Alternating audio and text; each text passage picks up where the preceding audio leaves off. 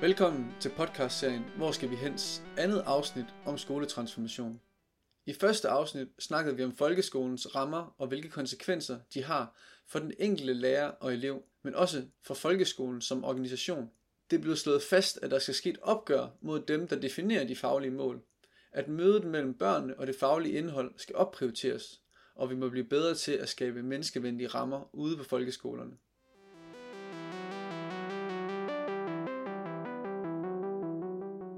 I dette afsnit uddyber vi, hvad menneskevenlige rammer vil sige. For eksempel at have tillid til børnene og give den oplevelse af at have værdi. At tage et skridt tilbage og se eleverne som de er, når de starter i skolen. Nysgerrige, læringsløste menneskebørn. Vi snakker også om uddannelsen af folkeskolelærer og relationskompetence.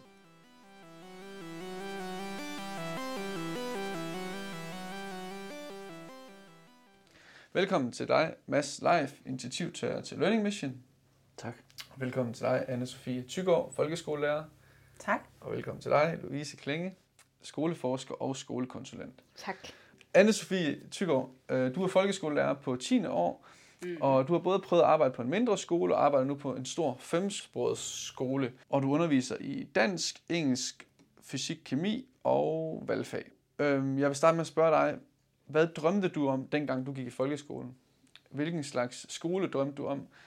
Eller var der måske slet ikke nogen skole, men bare en stor legeplads? Jamen, jeg kunne rigtig godt lide øh, at gå i skole. Øh, så, og den første del af min skoletid var jeg faktisk rigtig tilfreds med. Jeg synes, jeg var vildt fantastisk. Jeg havde nogle lærere, som netop var meget inspirerende, og jeg var glad for, øh, og var selvfølgelig også udfordret. Der var også helt klart nogle ting i forhold til mobning og alle de her ting, og, og relationer, og hvem skal være venner med, og hvor vigtigt er det, og sådan noget. Øh, så, så indtil da var jeg egentlig ikke øh, der drømte jeg ikke om, altså jeg synes, jeg havde det, jeg skulle have. Altså vi havde en kæmpe stor skov, hvor vi legede i frikvartererne og klatrede og havde tibier og alt muligt. Altså det var vildt fedt at være barn på den skole. Øh, men jeg kan huske, at jeg, da jeg så prøvede noget andet, drømte om, at det ikke var sådan. Jeg tænkte, at jeg tror, jeg havde sådan en, en idé om, at netop når man kom i udskoling, jamen så, når, så var det nok bare lidt mere kedeligt, eller lidt mere, øh, ja, så, ja, jeg troede, det var sådan, det var. Ja. Tak. Og øh, Louise, hvilken skole drømte du om, hvis du drømte om en skole? Jamen, da jeg, øh, øh,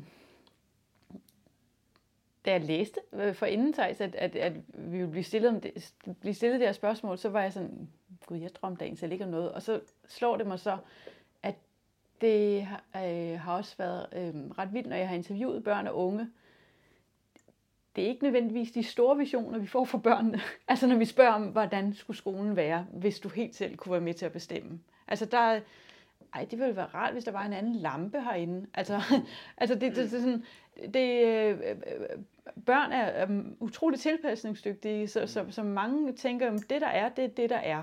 Altså, så, så jeg drømte ikke om særlig meget andet, da jeg kom i udskoling, så var jeg hele tiden optaget for gode karakterer, og det drømte jeg enormt meget om. Og det kan jeg da se i bagspejlet har været problematisk, fordi det styrkede enormt meget de spidse albuer og min øh, personlige ambition og så videre, og gjorde, at jeg øh, altså gerne helt sådan mase mig foran, som jeg har arbejdet med øh, for at ligesom blive et lidt mere sympatisk version af mig selv øh, sidenhen. Så, så, øh, så, så øh, men der er nogle gange, at, at man taler med børn og unge, der sprænger rammen og tænker sådan, wow, hvordan kunne det i virkeligheden se ud, hvis vi faktisk droppede nogle af de 200 år gamle dårlige vaner. Men, men det gjorde jeg slet ikke dengang. Jeg, jeg, øh, jeg havde, ikke, jeg havde ikke rigtig nogen drømme, udover for gode karakterer. Mm-hmm. Ja, er med dig, Mads? Jamen, det, det er et meget interessant spørgsmål. Altså, jeg tror heller ikke, jeg drømte. Jeg tror, at når man er fem år, så tror jeg bare gerne, man vil være og lege mm. og være fri. Altså, det var, det var det, jeg gerne ville være. Det var ikke nogen drøm. Min drøm udviklede sig først senere. Mm. Men, øh, men det var derfor, jeg fik overbevist min pædagog i børnehaven og mine forældre om at komme i skole hurtigst muligt, fordi jeg var sulten. Altså, jeg ville gerne i gang med det her spændende liv. Og jeg havde det fedeste første skoleår, fordi jeg gjorde det på min egen præmisser. Men det var så også der... Og så dummede du så, eller hvad? Jamen, det var der, og det var der, jeg troede jo faktisk, skolen var et sted, hvor man kunne være fri, og hvor man kunne gå ud af døren, når man havde lyst til det, og hvor man kunne være udenfor og bare være på eventyr. Altså, det var jo et helt nyt, en helt ny verden. Jeg kan, jeg kan huske det, altså, der, der, jeg først erindrede det her for et år, eller lidt år, et år siden, men hvor fantastisk det var at komme i skolen og, og se alle de her nye spændende ting. Og, og jeg 100, altså det var det, mest, det er det mest fantastiske år i mit liv, det var mit første skoleår. indtil jeg så fik at vide, at jeg havde gjort alting forkert. Mm. Øh, der, der begyndte min nedtur at starte. Og det, det var sådan en, en, øh, en følelse af ikke at være netop altså utilstrækkelighed. Så altså i det store, hvis man ser isoleret på mit første skoleår, så følte jeg mig jo altså, som den vildeste. Og jeg, jeg, jeg troede, jeg var den en af de bedste elever i klassen. Det troede jeg virkelig.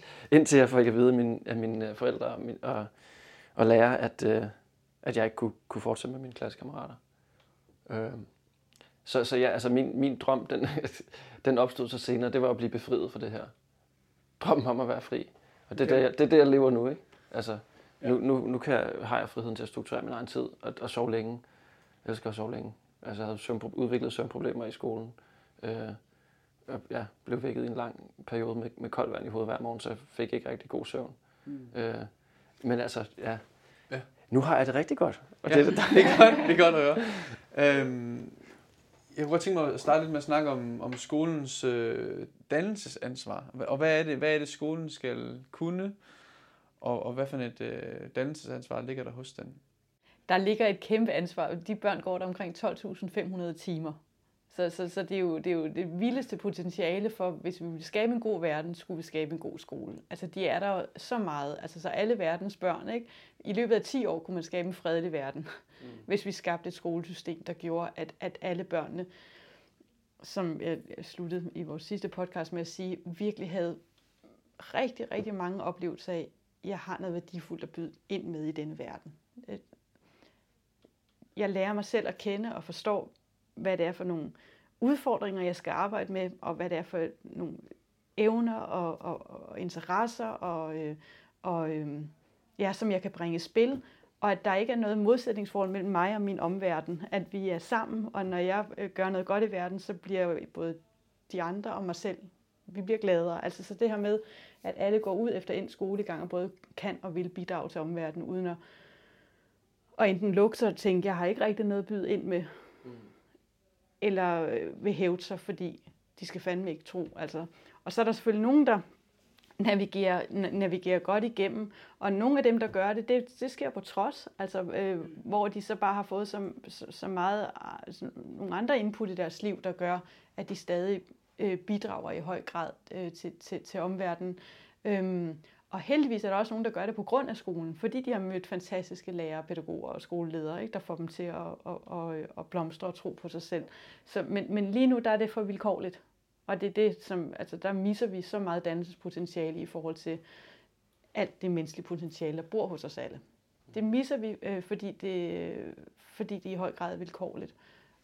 Om du lige møder de mennesker, der kan det her eller ej, og lige møder en skole, der har skabt en struktur, der understøtter, at barnet vokser op og trives. Og sådan må det ikke være.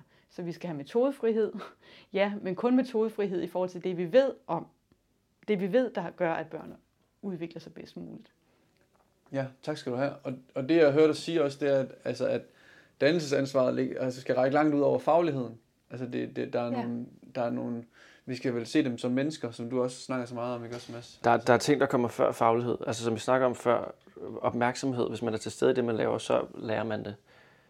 At man kan være i et skolesystem i, i 14 år og have så lav en tilstedeværelse, som mange har, det, det, det, er, det er uhyggeligt. Altså, vi er nødt til at se, at mental trivsel er en forudsætning for, at man kan lære. Hvis et barn kommer ind og har ting at slås med i sit privatliv, eller med sine forældre, eller hvad der er, så er det nødt til at blive taget hånd om det, før man stiller krav til det, altså nogen som helst faglige krav til det barn. Altså, mm. Det er det, der er så absurd, at du kommer ind en skoledag, og du har haft nogle ting, der gør, at du ikke har det særlig godt, og du har mere lyst til at sidde alene i sandkassen, og så får du at vide, at du skal lave opgave 12-14 til i morgen. Øh, I stedet for at have øh, altså, nogen, der kan tage, tage hånd om dig, og, og, og jeg sikrer, at der er en mental trivsel. Altså det er, det er nødt, det er nødt til at komme først, så vi er nødt til at vende det på hovedet. Og i forhold til det her med mental, mental trivsel, så synes jeg, det er interessant om, hvordan det er, vi præcis skaber det, fordi mm. skal vi lære børnene at være nærværende i det, de gør? Altså skal, vi, skal det faglige indhold også blive sådan noget mindfulness-øvelser, nærværstræning, kropsscanninger, vejrtræksøvelser, øh, eller skyder vi os selv lidt i foden? Øh, bliver det lidt ligesom en chef, der sender sine medarbejdere på mindfulness-kursus, så de kan lære at klare deres stressede og pressede arbejdsdage, i stedet for at sørge for, at de går ned i tid, eller eller mindre arbejdsopgaver? Altså, hvor meget skal vi fokus på, have fokus på rammerne, og hvor meget skal vi have fokus på ligesom at lære eleverne at kunne, at kunne begære sig i en, i en stresset hverdag? Klar, altså vi er nødt til at, at, at fokusere på nogle, nogle andre ord end, uh, end skemaet, altså, altså når vi snakker mental trivsel. For det, det handler i høj grad om tillid. Det handler i høj grad om, at et barn føler sig hørt. Hvis du netop siger til et barn, prøv at høre, vi har tilrettelagt alt for dig. Hvis vi så, altså det, sådan er det jo i høj grad i dag for mange børn, det føler, at alt er tilrettelagt. Hvis du så stadig siger, at alt er tilrettelagt, nu skal du bare lave mindfulness i det her modul, og nu skal du lave det her i det her modul, så har man stadig den her medbestemmelse. Så er, der stadig ikke, så er det stadig bygget på mistillid. Så er det som om, at når vi er nogle tomme container, og nu, fordi har vi hørt mindfulness så godt, så skal vi fylde det ind i din hverdag. Vi er nødt til at, at give børnene en stemme, og det er det, altså tillid er altafgørende for mindfulness. Og det kan godt være, at det, altså et femårigt barn kommer ind og er totalt mindful. Altså er totalt tilstedeværende, er virkelig nysgerrig. Det er jo det, der skal bevares.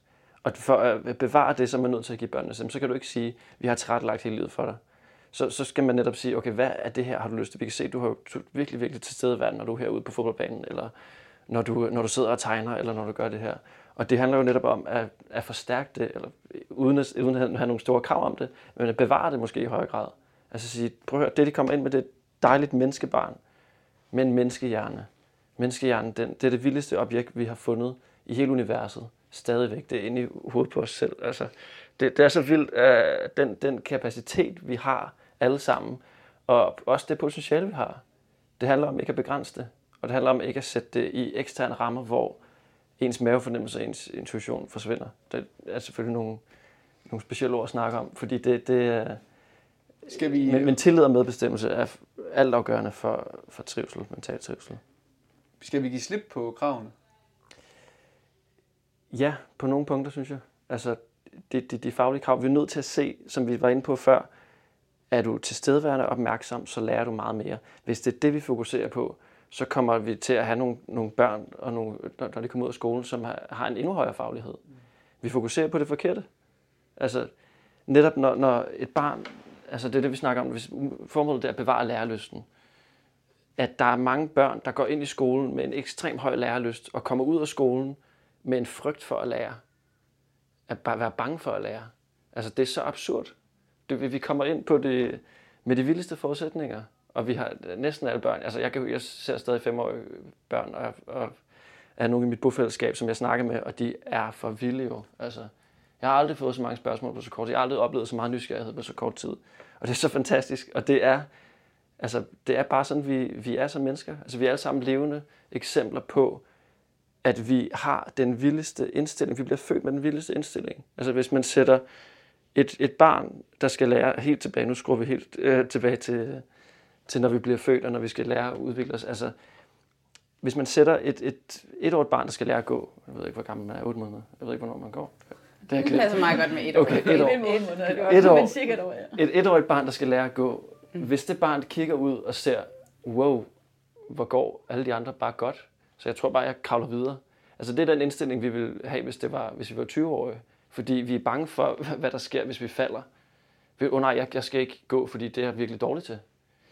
Altså, det, vi bliver født med en indstilling til, at jeg er ligeglad, jeg er elendig til at gå. Og alle de andre er mega gode til at gå, men jeg skal lære at gå. Jeg skal fucking lære at gå, fordi det er praktisk, og det er godt, og det er fedt at gå. Øh, og det, hvis vi kan bevare den indstilling igennem skolemiljøet og sige, prøv, jeg, vil, jeg skal lære masser af nye ting. Jeg, bevarer, jeg ved godt, at mit udgangspunkt det er virkelig, virkelig dårligt. Men jeg ved, at jeg har lyst til det. Og det er derfor, så kan, så kan man også lære det. Så det, det, det er der, fokuset skal lægges i stedet for. Og så i forhold til målsætningen. Altså, da jeg begyndte at blomstre, så var det fordi, der ikke blev stillet krav til mig. Da jeg begyndte at klare det rigtig godt, da jeg begyndte at klare det, bedre, klare det bedre, så var det fordi, der ikke blev stillet krav til mig. Det var fordi, jeg havde nogle voksne mennesker omkring mig, som havde tillid til mig, og som gerne ville hjælpe mig, og som troede på mig. Og det skete så først efter skolen rigtigt. Jeg havde lærer i skolen, som jeg havde et fint bånd til, jeg kunne stadig se. Altså jeg, jeg kan memorere øjenkontakt med, med nogle af mine lærere fra folkeskolen og fra gymnasiet, hvor vi kigger på hinanden, og, og jeg tydeligt kan se, kan spore deres, at de, de er virkelig, virkelig kede af det på mine vegne. Og de er magtesløse. Fordi de kan se, de kan, de kan ikke gøre noget, der, der, kan, der kan skabe nogle gode rammer for mig. Altså jeg, jeg sidder nede ved bagerste række og, og, og er udmattet. Og de ved ikke, hvad de skal gøre.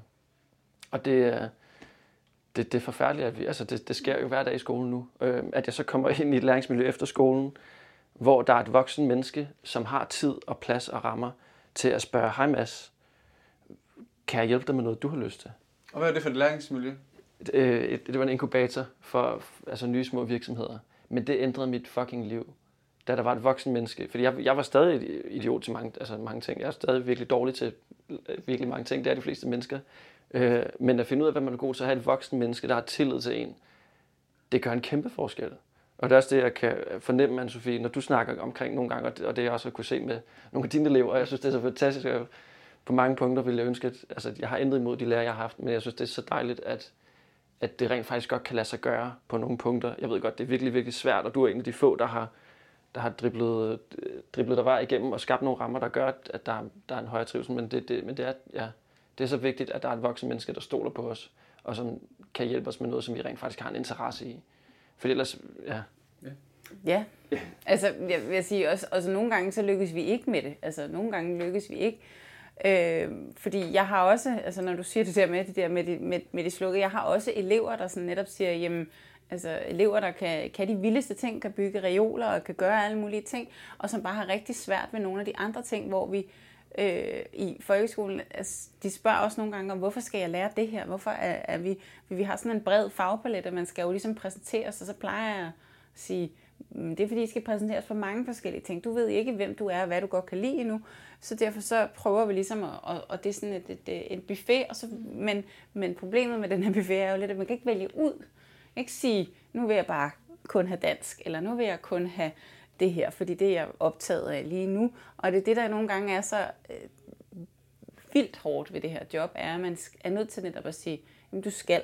Mm. Altså, fordi jeg er også meget optaget af den der, øh, hvad hedder det, øh, Montessori-tilgang, hvor man netop kan sige, Nå, hvad vil du gerne lave? Jamen, jeg er vildt optaget af hvad der, iværksætteri, jeg vil gerne lave min egen lille virksomhed. Nå, men så kan du lege det, og så putter vi noget matematik og noget øh, virksomhedsplanlægning ind i det projekt, og så er det det, du går arbejder med. Mm. Men problemet i forhold til det er jo netop, at rammerne er, at de, altså, skolens krav er jo, at vi er nødt til at sige, at man skal kunne have lavet det og det og det, og nu skal du have dansk, og nu skal du...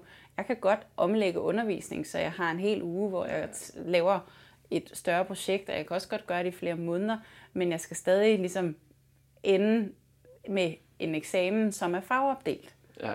Så, så du kan ikke skabe de optimale rammer for alle børn? Nej, altså jeg kan, jeg kan gøre så meget. Jeg kan måske gøre, operere meget i sådan en 80-20 øh, mindset, at, at jeg kan gøre så meget jeg nu kan, og så er der stadig de der sidste 20 procent, som er de der, øh, hvad skal man sige, rodekassen, med de der ting, som jeg ikke kan komme udenom, som jeg er nødt til, at jeg skal give karakterer, selvom jeg ikke synes, karakterer giver noget som helst værdi øh, i sig selv.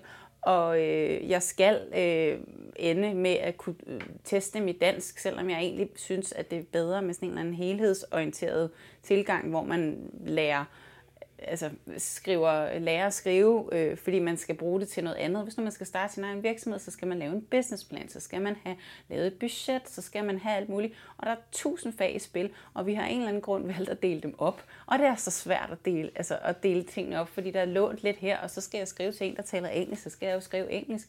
Nå, har han, altså, det er dumt, at vi har valgt at kategorisere det på den her måde, fordi de fleste børn vil have det meget bedre, hvis de bare kunne sige, nu har du dit projekt, eller nu har du mm.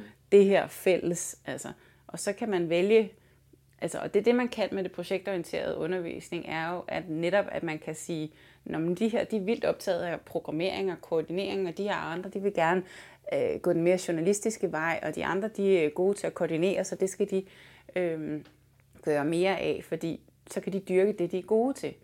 Og noget, jeg synes er egentlig er lidt sjovt, er, at at vi jo alle sammen bliver også på seminaret undervist i, at vi skal hele tiden fortælle sig de rigtig dygtige elever, hvad de ikke kan. I stedet for at fortælle dem, hvad de faktisk godt kan.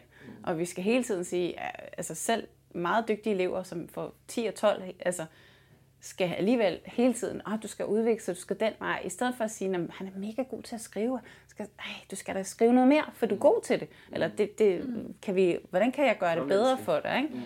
Altså, så det der, nu er jeg startet med noget dannelse og sådan noget, men, men selvfølgelig er der helt klart kæmpe dannelsesansvar i skolen. Og jeg synes, det er vildt mærkeligt, at vi vælger den måde, vi har skole på. Fordi jeg synes ikke, den er optimal.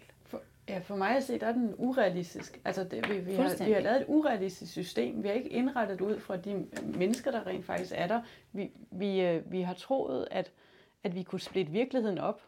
Og det findes ikke. Altså, virkeligheden er ikke splittet op. Der er, der er en virkelighed øh, med, med en hel masse forskellige aspekter, og det har vi så øh, splittet op i fag. Og, og vi ved øh, alle sammen, at, at mange af verdens problemer, det skyldes silotænkning suboptimering inden for enkelte områder i forhold til global og helhedsorienteret tænkning, hvor, fordi tingene hænger sammen. Så, så vi, vi har splittet virkeligheden op, og vi har forventet, at alle skal kunne lære det samme på samme tid. Og det, det, det, er, jo, det, er, jo, det er jo rimelig langt ude, fordi mennesker er så forskellige. Og det er så den udfordring, lærere og pædagoger skal stå og, og undervisningsdifferentiere mm. inden for nogle altså rammer, hvor man stuer så mange børn ind, 28 unger, 1,7 kvadratmeter per barn. Ikke? Værsgo, øh, lykkes med at danne og uddanne her. Øhm, og der synes jeg, det er så inspirerende med, med hele Learning Missions og øhm, øhm, tilgang, og som, øh, som Mads så fint vi har foldet ud, det her med tilliden. Vi har ingen grund til at have mistillid til mennesker. Mennesket er fuldstændig vidunderligt, og der er så meget kapacitet. Og når vi så siger, at, at vi skal understøtte, at de gerne vil, vil, vil finde ud af, hvad de har bydet ind med i omverdenen, så er der jo ikke noget modsætningsforhold til, at de også skal blive i stand til det. Altså, de, de, vi skal jo netop hjælpe og understøtte, men det sker helt naturligt, fordi børn kviger sig ikke ved noget, der er ubehageligt. Det, det gør de ikke, for så vil de aldrig lære at gå. Mm. De kæmper vedholdende, når man ser børn, der øver sig på noget, de bliver ved igen og igen og igen, når det er, det giver mening, og når det er, der er et relevant slutmål. Så, så, så, så, så, så når Anne-Sophie også i den første podcast talte om læringskurve, når man for eksempel laver en musical, eller når man arbejder med, med, med et projekt, hvor at de har en, spiller en værdifuld rolle, øh, og indholdet giver mening, så, så kan de nå så meget. Og, og jeg undrer mig nogle gange over, at børn lærer så utrolig lidt de kan lære så meget mere, hvis vi tog alvorligt, at de fik lov til at blive ved det der, hvor fokus var. Mm. Og så er der intet problem med også at tage det kedelige på sig. Og hvis de virkelig har et problem med det, så, så er det fordi, der er noget, der, der, der bøvler for meget i deres liv, som vi skal tage alvorligt. Mm. Altså lige nu er det jo, øh, altså hver sjette barn i Danmark er udsat for fysisk vold, og hvis man tager med, at de bliver hævet i håret og bliver nede, så er det hver fjerde barn. Så der er rigtig mange, der tumler med noget, der er dybt ubehageligt på hjemmefronten som, så det er sådan noget, der står i vejen, når vi synes, de nogle gange er dogne og siger, det gider jeg fandme ikke. Så er det fordi, der er et eller andet, der gør, at, det, at, at, at øh, ja, som, som spænder ben. Og der, øh, men, men så, så, så hvis vi hele tiden tager alvorligt, er der nogen, der selvfølgelig netop skal tages hånd om, hvor man siger, det er fuldstændig lige meget med side 28 til 32. Fordi du har brug for noget helt andet, du har brug for et kram, du har brug for, at vi går en lang, lang tur, og du, altså der er brug for, at du får ro på dit nervesystem, der er brug for, at vi tager hånd om, hvad der sker i dit liv. Øhm, men rigtig, rigtig mange gange, så, så kan fag, fagligheden og trivsel gå fuldstændig hånd i hånd. Fordi det kan være et helle for barnet endelig at komme hen i skolen og fordybe sig i noget, der er vildt spændende. Mm, mm. Altså, så det er ikke, det, det, det, børn skal have det virkelig skidt, før de faktisk ikke kaster opmærksomheden ind på noget, Altså hvor at, at, at de bliver fanget. Ikke? Altså, så, så, øh, jeg, jeg hørte lige om en fantastisk skole der over i Jylland, Bredager skolen i Vejle. Der har de en kunstklasse, og der er blandt andet nogle børn der, der har øh, haft skoleværing i rigtig lang tid. Og så, så får de lavet en kunstklasse, øh, hvor de her børn så pludselig elsker at komme i skole. Og de har stadigvæk problemer og udfordringer, men pludselig kan de koncentrere sig, fordi de udfolder sig, de udtrykker sig, de bliver inspireret. Så, så, så, så trivsel og faglighed kan altid gå hånd i hånd, hvis det er, at vi tager alvorligt hvordan fagligheden skal se ud. Og den, mit sidste kommentar til det, det er, hvor jeg har været med i et stort projekt om børns læringslyst. Og der er tre ting, vi skal tage alvorligt, hvis vi skal understøtte læringslysten og få trivsel og faglighed til at gå i hånd. Det er, at børnene skal arbejde aktivt, og at de skal arbejde med vedkommende indhold, og det skal ske en god stemning. Mm. Når de tre elementer er til stede, de er aktive, det er dem, der laver noget, der lærer noget, og det er vedkommende, det vil sige, at jeg kan relatere til det, eller jeg kan se, det er betydningsfuldt, eller jeg er udenfor, så jeg kan mærke vinden blæse i mit hår. Altså det, det kommer mig ved. Der er noget, når jeg skal hjælpe nogen et eller andet, og at det sker i en god stemning. Mm. Så har jeg ikke set nogen børn, der faktisk ikke kan koncentrere sig. Men mindre de havde så enorme vanskeligheder, at de faktisk havde brug for altså, ja. en helt anden type hjælp. Ikke? Så er det klart. Mm. Øhm. Og det stiller nogle krav til lærerne? Ja, altså at være i stand til at skabe den de gode stemning, den, vi skal huske, at den person med mest magt i et rum påvirker stemningen stærkest. Mm. Så den gode stemning bliver skabt, det står og falder i høj grad med, hvilken, stem, hvilken øh, to, øh, tone den voksne slår an. Og som en dreng sagde til mig i 6. klasse, når en lærer smiler, tænker man bare, yes, det bliver en god dag i dag. Mm. Ikke? Altså, så, så det, no. ja. Og det har jo så at gøre med, smiler læreren, det har jo at gøre med, hvilke rammer og strukturer ja. der er. Altså, så, så, så på den måde er det jo igen en verden, der hænger sammen. Mhm. Ja. Er det så også, altså et er at gentænke folkeskolens rammer, men at gentænke læreruddannelsens rammer? Ja, vi har ikke rigtig taget kompleksiteten i jobbet alvorligt. Nej. Det, det men anne Sofie, du har gået på den læreruddannelse. Det, det, Ja, ja altså det, kan det, du det sige er også det, der er lidt underligt, er, at det er jo også ligesom i folkeskolen, så er det jo også meget alt efter hvilke øh, undervisere man så rammer ind i på, på læreruddannelsen, fordi da jeg gik på læreruddannelsen, øh, var jeg så heldig at få nogle lærere, som heldigvis talte ind i noget, som jeg kunne, kunne, kunne se mig selv i, og som, som, som gjorde, at jeg, at jeg kunne blive den bedste lærer, som jeg synes, jeg er. Men når jeg så snakker med, med lærere, som er nyere, altså har været uddannet efter mig, jamen, så kan jeg jo høre, at de bliver meget undervist efter, hvad, hvad jeg vil kalde det, både det gamle bar, børnesyn, men også det gamle, øh, altså didaktisk øh, er meget forældet. Altså det er sådan noget med at øh, bruge enormt meget tid på at undervise i grammatik, og jeg underviser ikke direkte i grammatik overhovedet. Øh, og, øh, og det blev vi jo også opfordret til, at altså, der er sådan tales om det, der hedder induktiv og deduktiv læring, at man netop kan sidde og sige, at, at, at øh, bruge meget tid på at sige, at de skal sidde og analysere for at finde ud af, hvad for nogle morfemer og fonemer og hvad der er hvad og sådan noget. Og det skal de slet ikke lære i folkeskolen. Der står der intet om. De skal ikke bruge det til noget. Vi skal vide det, men børnene skal ikke lære det. Og alligevel så er der netop nogen, der bruger tid på det allerede på mellemtrinnet og snakker om det, og de føler bare, at de ikke kan øh, honorere de der ting. Øhm, og det er det, jeg synes er sådan, det er misforstået. Altså, det skal man ikke kunne i folkeskolen. Nej, så, altså, og det, det er et kæmpe problem. og det- Der er jo, øh, øh, man, mange kender til Blooms taksonomi, og, og, og, og, og den taksonomi, som, som, som den her øh, mand skabte, handler om, at det abstrakte står som det øverste på trappen, hvor det konkrete, det er, at du kan huske noget og øh, gengive noget, det betragter vi ikke som særligt. Det honorerer vi ikke godt. Så i forhold til, hvordan vi giver karakterer, jo mere abstrakt det er, øhm, og jo mere højt reflekterende og med, med, med, med, metatermer, jo bedre er det. Og det er en af de store udfordringer på, på læreruddannelsen, og som jo i høj grad bliver understøttet af, at omkring halvdelen af underviserne på læreruddannelsen har ikke været lærere selv. Så de kommer fra universitetsverdenen, og øh, kender rigtig meget til biologi eller til dansk, og dermed til alle de faglige termer, men de kender ikke nødvendigvis særlig meget til børn. Og det er et kæmpe, kæmpe problem, fordi så var det, børnene langsomt for nogen blev tænkt ud af ligningen. Mm. De fleste, der er lavet undersøgelser, de fleste lærerstuderende, der starter, er vildt optaget af det relationelle. Wow, jeg skal ud og gøre en forskel for børn. I mødet med dem skal der ske alt muligt. Om det, der så sker i løbet af uddannelsen for rigtig, rigtig mange af dem, det er, at de ender med at være mere optaget af deres fag end af barnet. Mm. Og så stoppede det udbytterige møde mellem børn og fag, altså at de bedst kunne understøtte det. Så, så der er noget med, og, og det, hvad skal vi så afskede halvdelen af undervisningen på læreruddannelsen? Nej, nej, det skal vi selvfølgelig ikke, fordi der, de kan jo gøre alle mulige glimrende ting, men jeg, jeg er meget optaget af at plædere for, at undervisere på læreruddannelsen skal selv være ude i skolen nogle gange. Mm. De, de, de er nødt til at kende, hvad er det for en kompleks virkelighed, for at kunne træne og hjælpe de studerende bedst muligt. Og det vil, jeg synes, det ville være fantastisk, hvis man sagde, måske bare 14 dage om året, der skal man være ude til ret for, øh, øh, gennemføre forløb, og så skal de her undervisere, de skal videofilme sig selv. Fordi så kan de sammen med de studerende tale om, hvad sker der, hvornår bliver det svært? Mm-hmm. Altså, at så det virkelig bliver helt konkret lavpraktisk. Hvordan går du ind ad den dør? Hvad, hvad sker der sammen med de børn? Og så øhm, skal vi tage den følelsesmæssige dimension alvorligt. Jeg talte ja. med en lærer en dag, hun øh, har Thor, der går i 7. klasse. Han kommer fra et hjem med dyb alkoholmisbrug. Han brøler han ind i hovedet nogle gange. Ditte, du skal dø, råber han bare til hende. Ikke? Det han er, har så meget frustration. Og lige bagefter vil han gerne have en virkelig tæt på sig, for hun skal sidde og hjælpe ham med, med hans danske opgaver. Det der følelsesmæssige krydspres, hvor du som lærer hele tiden skal bruge dig selv, bruge dit nærvær, din faglige viden, din engagement, og du skal også sætte dig ud over dig selv. Du skal sætte dig ud over dine umiddelbare følelsesmæssige reaktioner.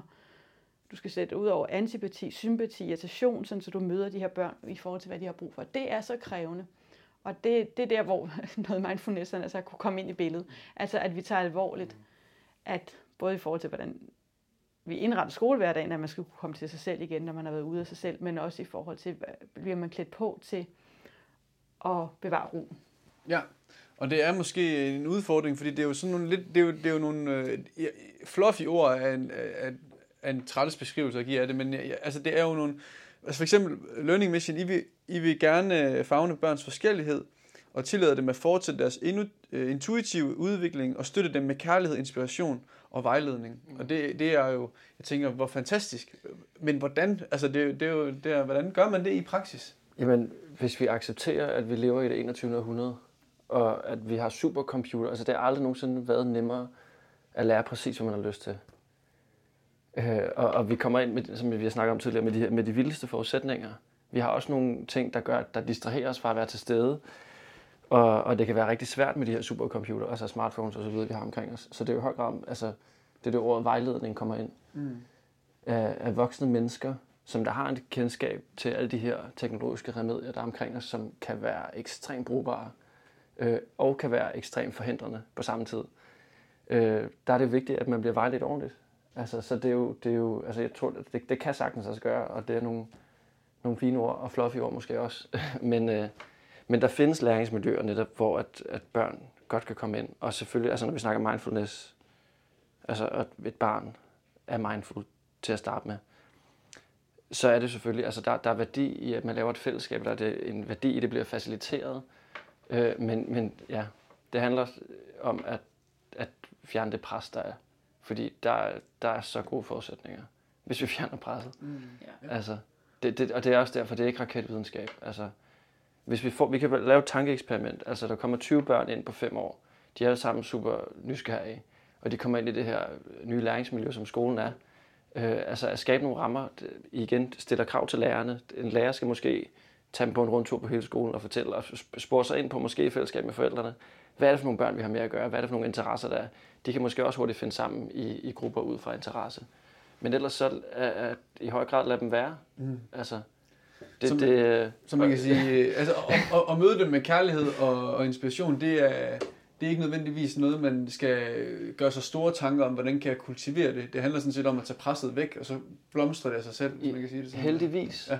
Heldigvis, fordi vi, vi har en menneskehjerne, og fordi vi, altså, vi er ikke computer, der skal ind og, og programmere. Så vil det faktisk være, på mange punkter være nemmere, fordi vi bliver fyldt med information, og så vil vi have nemmere ved at modtage det. Vi, vi er mennesker, som er, er forskellige, øh, og som er på vores egen læringsrejse, men vi, vi har så mange medfødte egenskaber, så mange medfødte egenskaber, som, jeg undskyld, jeg ryster hele bordet, når jeg snakker om medfødte egenskaber. men, øh, men vi har så mange medfødte egenskaber, som, som gør forudsætningerne virkelig, virkelig gode. Øh, det, det, det er rammerne, som virkelig udfordrer det jo. Ja. Og det er, ja. Og det er jo netop at have den der tiltro til de der, hvor fuldstændig underligt de der børn er. Altså, de er jo, ja, ja. De, de er så vilde. Altså, der vil jeg, jeg drømmer så meget om, at, der, at man på læreruddannelsen har bruger uendelig meget mere tid sammen med de børn. Altså, vi bliver nødt til at løse det der praktikproblem. Men det skal jo helst ikke bare være praktik, hvor man så måske kommer ud man kan jo komme ud til nogle praktikvejledere, som ikke nødvendigvis øh, bedriver øh, undervisning, der passer til, til, til, til børn. Ikke? Altså, så, så, så, så jeg vil ønske, at, at de studerende også havde rigtig meget tid til at prøve at være, hvordan, opleve, hvordan er det at være barn i skolen. man sidde og, og, og være til stede, sidde nede på bagerste række mm. i lang tid, sammen med børnene, være sammen med dem i frikvartererne, interviewe dem rigtig meget. Altså virkelig prøve at, at hele tiden forstå, hvad er det for nogle mennesker, som jeg skal arbejde med, og lære dem at kende. Altså, Mere end at det handler om kun at lære undervisning at kende. Ja. ja. Altså jeg tror faktisk ikke, når jeg nu sidder og tænker og lytter, at jeg ved ikke, om jeg tror, at problemet ligger på læreruddannelsen. Altså selvfølgelig skal man præsenteres for nogle forskellige ting, men jeg møder rigtig mange øh, lærere, som faktisk tror, at, hvad skal man sige, den gamle tilgang er den bedste. Mm. Altså jeg tror, Inden de starter. Så selvom, ja, både, ja, altså... Det Men hvis de fem år, Anne-Sophie havde lært, at den gamle tilgang ikke var den bedste. Altså, så det er rigtigt. Så vil de måske, var der måske ja. nogle af dem, der blev ved med at holde fast i den, ville ja. måske selvfølgelig falde fra, og så ville ikke, men jeg synes, det jeg savner rigtig meget, fordi jeg er rigtig glad for min metodefrihed, men jeg savner også bare netop nogle skoleledere, øh, som går ud, og man kan sagtens lægge sådan en pædagogisk ramme, og så der kan jeg se, at der er masser af skoler, der gør, at her der vil vi gerne have lærere, der går op i det her, vi har den her den her vej, vi vil gå, så kan du godt inden for rammen gøre det og det, men jeg synes nogle gange, at det er så svært at øh, altså, præsentere de, altså det der, igen den der buffet-metafor, ikke? Altså, de kan få nok så mange præsentationer, for der, ej, man kan gøre det, og der er det her, og cooperative learning, og du kan gøre det, og ej, nu skal vi, og vi laver aktionslæring, hvor vi ser vores egen undervisning, lige så snart forløbet er slut, så går folk tilbage til det, de kender. Mm. Og der både selvfølgelig kan det også være en frustration i, at jeg har ikke tid nok til at planlægge det, det er nemmere og, og tager kortere tid, hvis jeg bare siger, at jeg skal stå og snakke, og så skal I regne de her opgaver, eller I skal læse den der tekst. Det er ikke eller I skal ind på Clio Online. Ja, jeg altså, går ind på Clio Online, ja, føl den der blip, blip, blip, altså ja. sådan en spisesæd. Men jeg synes også, jeg hører, når jeg snakker med folk om det, er, at de dybt inde i deres sjæl tror, at det er det bedste. Også nu kan jeg høre, at vi snakker lidt om ind i det der med, hvordan tonefaldet er også, og sådan noget, mm. at det er at børn har brug for faste rammer, at de skal have en styring, og vi skal ikke slippe for meget løs, vi skal, og, de, øh, og hvis, øh, hvis, man, hvis de reagerer ud og reagerende, eller gør noget, vi ikke skal, så er det okay at skælde dem ud. Og det, altså, jeg har altid, og jeg ved ikke, hvor den kommer fra, men jeg har altid haft sådan en, hvis der, du råber, har du tabt. Altså, du har mm. tabt relationer, du har tabt øh, barnet på, og det sker selvfølgelig en gang imellem, så sker det, og så er man nødt til ligesom at, øh, eller så, så ender man der, fordi man i afmagt bliver presset ud i en situation, mm. og man ikke har tid til, som du sagde, at mm. komme sig og lige mm. sige, men at man altid har muligheden for at vælge, sige, går jeg den vej, eller går jeg op, og, og, og altså, men, mm. men jeg ved ikke, hvor min idé, altså hvor min altså det, det er jo en, som ja. at man er et menneske, når man ja. kommer ind på læreruddannelsen allerede. Mm. Rigtig mange så, reproducerer både deres egen ja, oplevelse fra skoletid, præcis. men også hvordan, hvilke samspil har de været igennem livet. Ja. Om hvordan mødte ens forældre ind. Der er så meget reproduktion, og derfor skal læreruddannelsen for mig se også adressere i høj grad, hvem er jeg som menneske? Ja. Hvad kommer jeg til bare at reproducere jeg står og regredierer, når jeg er presset, så gentager jeg gamle mønstre. Yeah. Hvad er uhensigtsmæssigt, og hvad er helt klart værd at holde fast i? Altså mm. det er den der bevidstgørelse. For det ja, ja, man skal have et mønsterbrud, ja, ikke? Altså. præcis. Ja.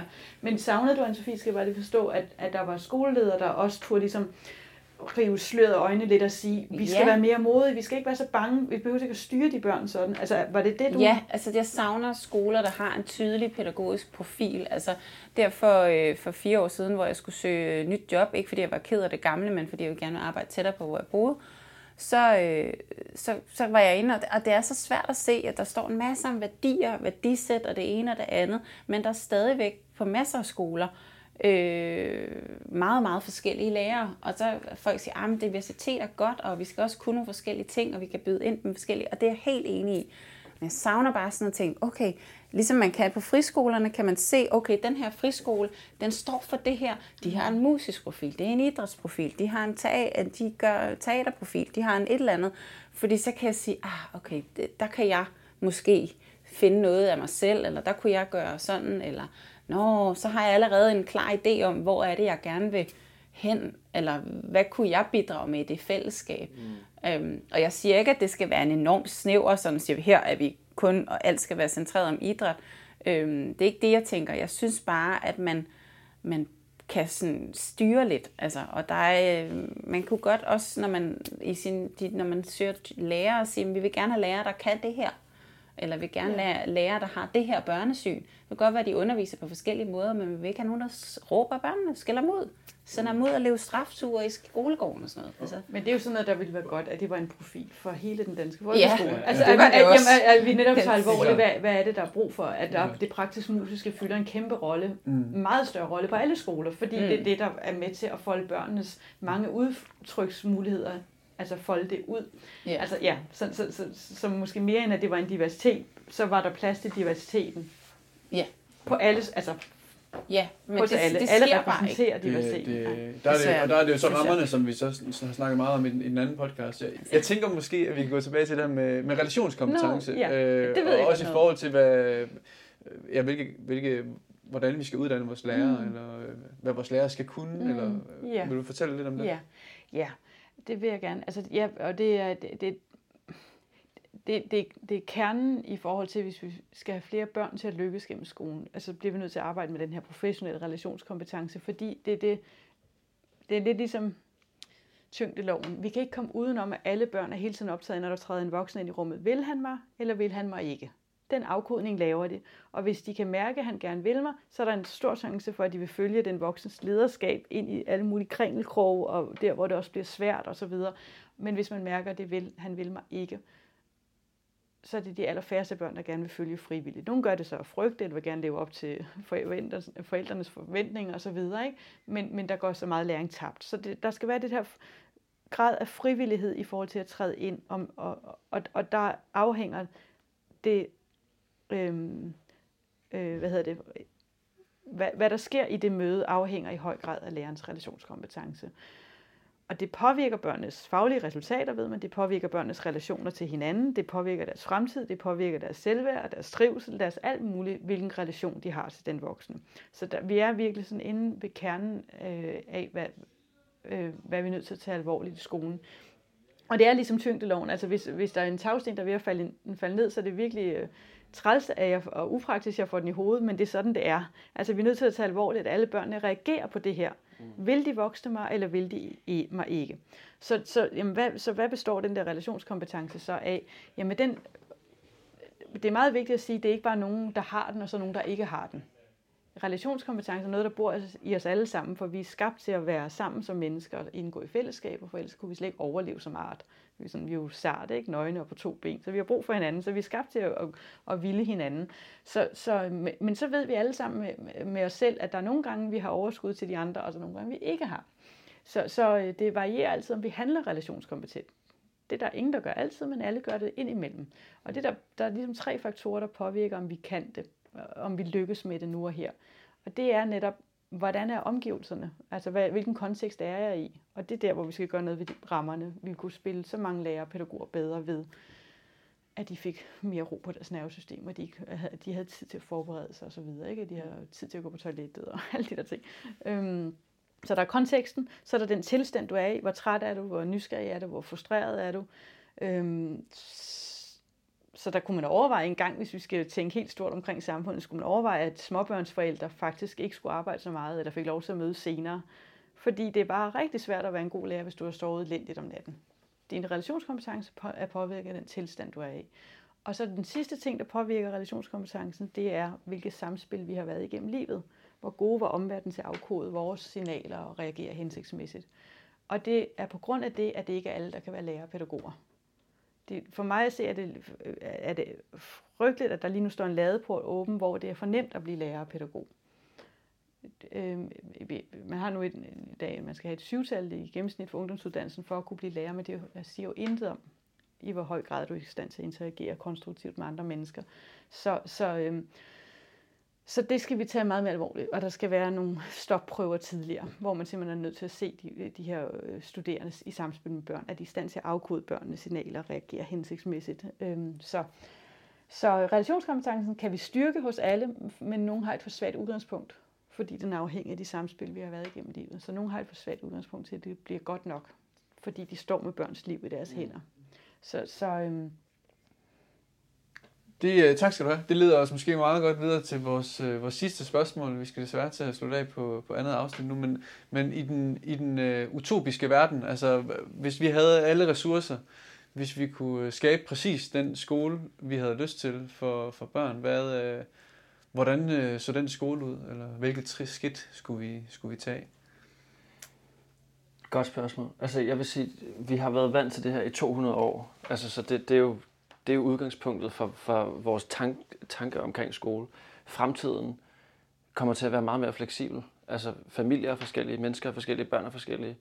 Der er mulighed for altså, deltidsskoler. Øh, altså forældrene spiller en afgørende rolle i det her også.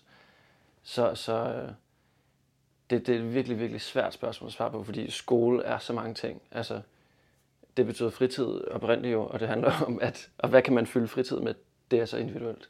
Så det, øh, så ja, det, frihed føler jeg i høj grad. Altså, og tillid er så ekstremt vigtigt. Men igen, ja, det, ja. det er frie rammer, hvor, hvor mental trivsel altså, er, er fokus. Ja. Jeg, jeg gad godt, at altså der er sådan, den, den kortsigtede er, at de skal have kortere skoledag og færre lærere, netop for at relationerne kan blive styrket, og, og mere tværfaglighed og sådan noget, øh, er, er sådan den, den nærliggende future, øh, fremtid. Men jeg kunne egentlig godt tænke mig, hvis jeg skal kigge sådan helt, hvis jeg skulle kaste alle boldene op, så synes jeg, at mange af de ting, der er i forhold til trivsel, handler også om forældre. Øh, nu er jeg selv øh, øh småbarns øh, forældre, og at forældre er for meget væk fra deres børn. Og jeg mm. tror også rigtig mange af de ting, der er problematiske i skolen, er netop, at fordi de ikke har kunne vågne ordentligt, eller man skulle hurtigt ud af døren og komme nu, og det ene og det andet, Øh, men hvis man kunne kombinere det her med at gå i skole, jeg kunne godt tænke mig, at man kunne gå til skole, at man i stedet for at sige, nu skal I alle sammen have den her 12 forskellige fags palette, man kunne vælge som på en brunchmenu, og så siger, jeg, jeg vil godt gå til det der, ligesom man går til dans og til ridning og fodbold, at man ligesom laver sit eget skoleskema, man stykker det selv sammen, og så kunne det være en eller anden relation, hvor ens forældre, mange altså arbejder alligevel, har vi fundet ud af i coronakrisen, med noget, som de kan gøre på en laptop, som de kan flytte rundt, og så kan de ringe, og det ene og det andet. Hvis det så var et eller andet, hvor man så havde, så har jeg møder om morgenen, men så kan jeg være med til Leonoras øh, ridning, eller hvad hun nu skal lave her om morgenen, og så efterfølgende så går vi ud og laver bål, men jeg kan godt passe mit job alligevel, sådan så det bliver fusioneret lidt, og så er det netop, som du siger, deltidsskoler. Hvorfor skal de gå i skole mandag til fredag? Jamen det er fordi forældrene skal på arbejde. Også igen en af de der ting, vi har oplevet med, jamen det er fordi børnene skal i skole, fordi så kan forældrene komme på arbejde. Men hvis nu man ikke behøvede at skulle på arbejde hele tiden, det er sådan en helt anden snak om arbejdsmarkedet og sådan noget, men hvis man kun kunne gå i skole to til tre dage om ugen, og så skulle man noget andet de resterende dage, så tror jeg, at vi ville løse rigtig mange ting. wow, er det var fedt, og der bliver tænkt så meget ud af boksen. Ja, men var det fedt med ideen om at gå til skole. Det er helt vildt sejt. Altså det er, ja, ja, men det, det, ja, det, det, det, det, det, det er så fantastisk. Altså vildt spændende, Anne-Sophie, at, at, at se det på den måde. Altså, og, og øhm, Ja, og så vil nogen sige, jamen, hvad med fællesskabet? Og de skal jo også, men, men, men, men det er klart, at meget af det, man så gik til i skolen, det vil jo være det skulle være ting, som så gav mening. Altså, så hvis man skal bygge en teaterkoncert op, så er der brug for alle, og der er brug for nogen, der styrer lys og lyd, og der er brug for nogen, der, der kan bygge en scene, og derfor skal lære om, øh, om alle mulige øh, øh, matematiske ting for at forstå altså, øh, trækonstruktionen i forhold til, hvordan det skal bygges. Mm. Og der er nogen, der skal stå på scenen osv., altså, og der, øh, musikken øh, skal med ind over. Altså, så der, der skal jo være, for mig at se, på skoler, som der heldigvis stadigvæk er mange steder, og nu siger jeg stadigvæk det, fordi tidligere var der jo ofte et større fokus på det projektbaserede, som vi blev bange for øh, øh, siden nullerne. Men altså det her med at, at lave projekter, hvor man er sammen, og hvor alle har en, øh, spiller en værdifuld rolle. Og så skal det være øh, for mig at se skole, hvor vi øh, tager også det fysiske behov alvorligt. Altså alle børn skal have mad, når de er i skole. Altså fordi, ja, ja, jamen, vi kan ikke ja. bare sige, at øh, vi forventer, at forældrene og børnene møder øh, udvilet og med god morgenmad, altså fordi som et, grug af Pete Hein lyder, forældre skal opdrages til at forstå, men så må man også have haft dem for små. Det har vi jo altså ikke. Vi har ikke haft dem for små, og der er så mange forældre, der ikke har overskud til at gøre det, børnene har brug for. Så selvfølgelig skal alle øh, have de fysiske samme øh, udgangspunkt og, og få god skolemad. Og ja, det skal der ske i et køkken, hvor de er med til at lave maden til hinanden. Og de skal dyrke de grøntsager selv, og der skal være nogle dyr, for børn elsker dyr. Altså der skal være alle de ting, hvor vi tager alvorligt, hvad det er for nogle små mennesker, vi har med at gøre, der kan folde, folde dem bedst muligt ud. Øhm, så, så der er, øh, men, ja, jeg tror, jeg, min, mine ord skal slutte af med, øh, noget jeg også har skrevet en bog, der hedder Det gode skoleliv, men øh, sammen med nogle gode kollegaer, at den bedste af alle skoler, den findes allerede fordelt rundt på landets 1800 grundskoler. Altså, den, den findes allerede.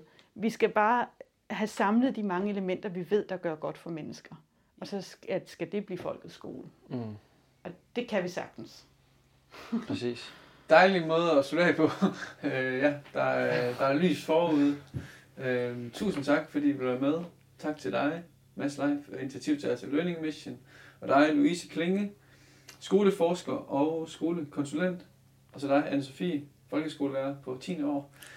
Yes. Øh, og tak til dig, Thijs. Ja. For at yeah. facilitere det her, for at skabe det, og for at gøre det på en måde, altså, som er virkelig fed. Ja. Øh, det, det, det er virkelig godt. Ja. Tak skal du have. Tak.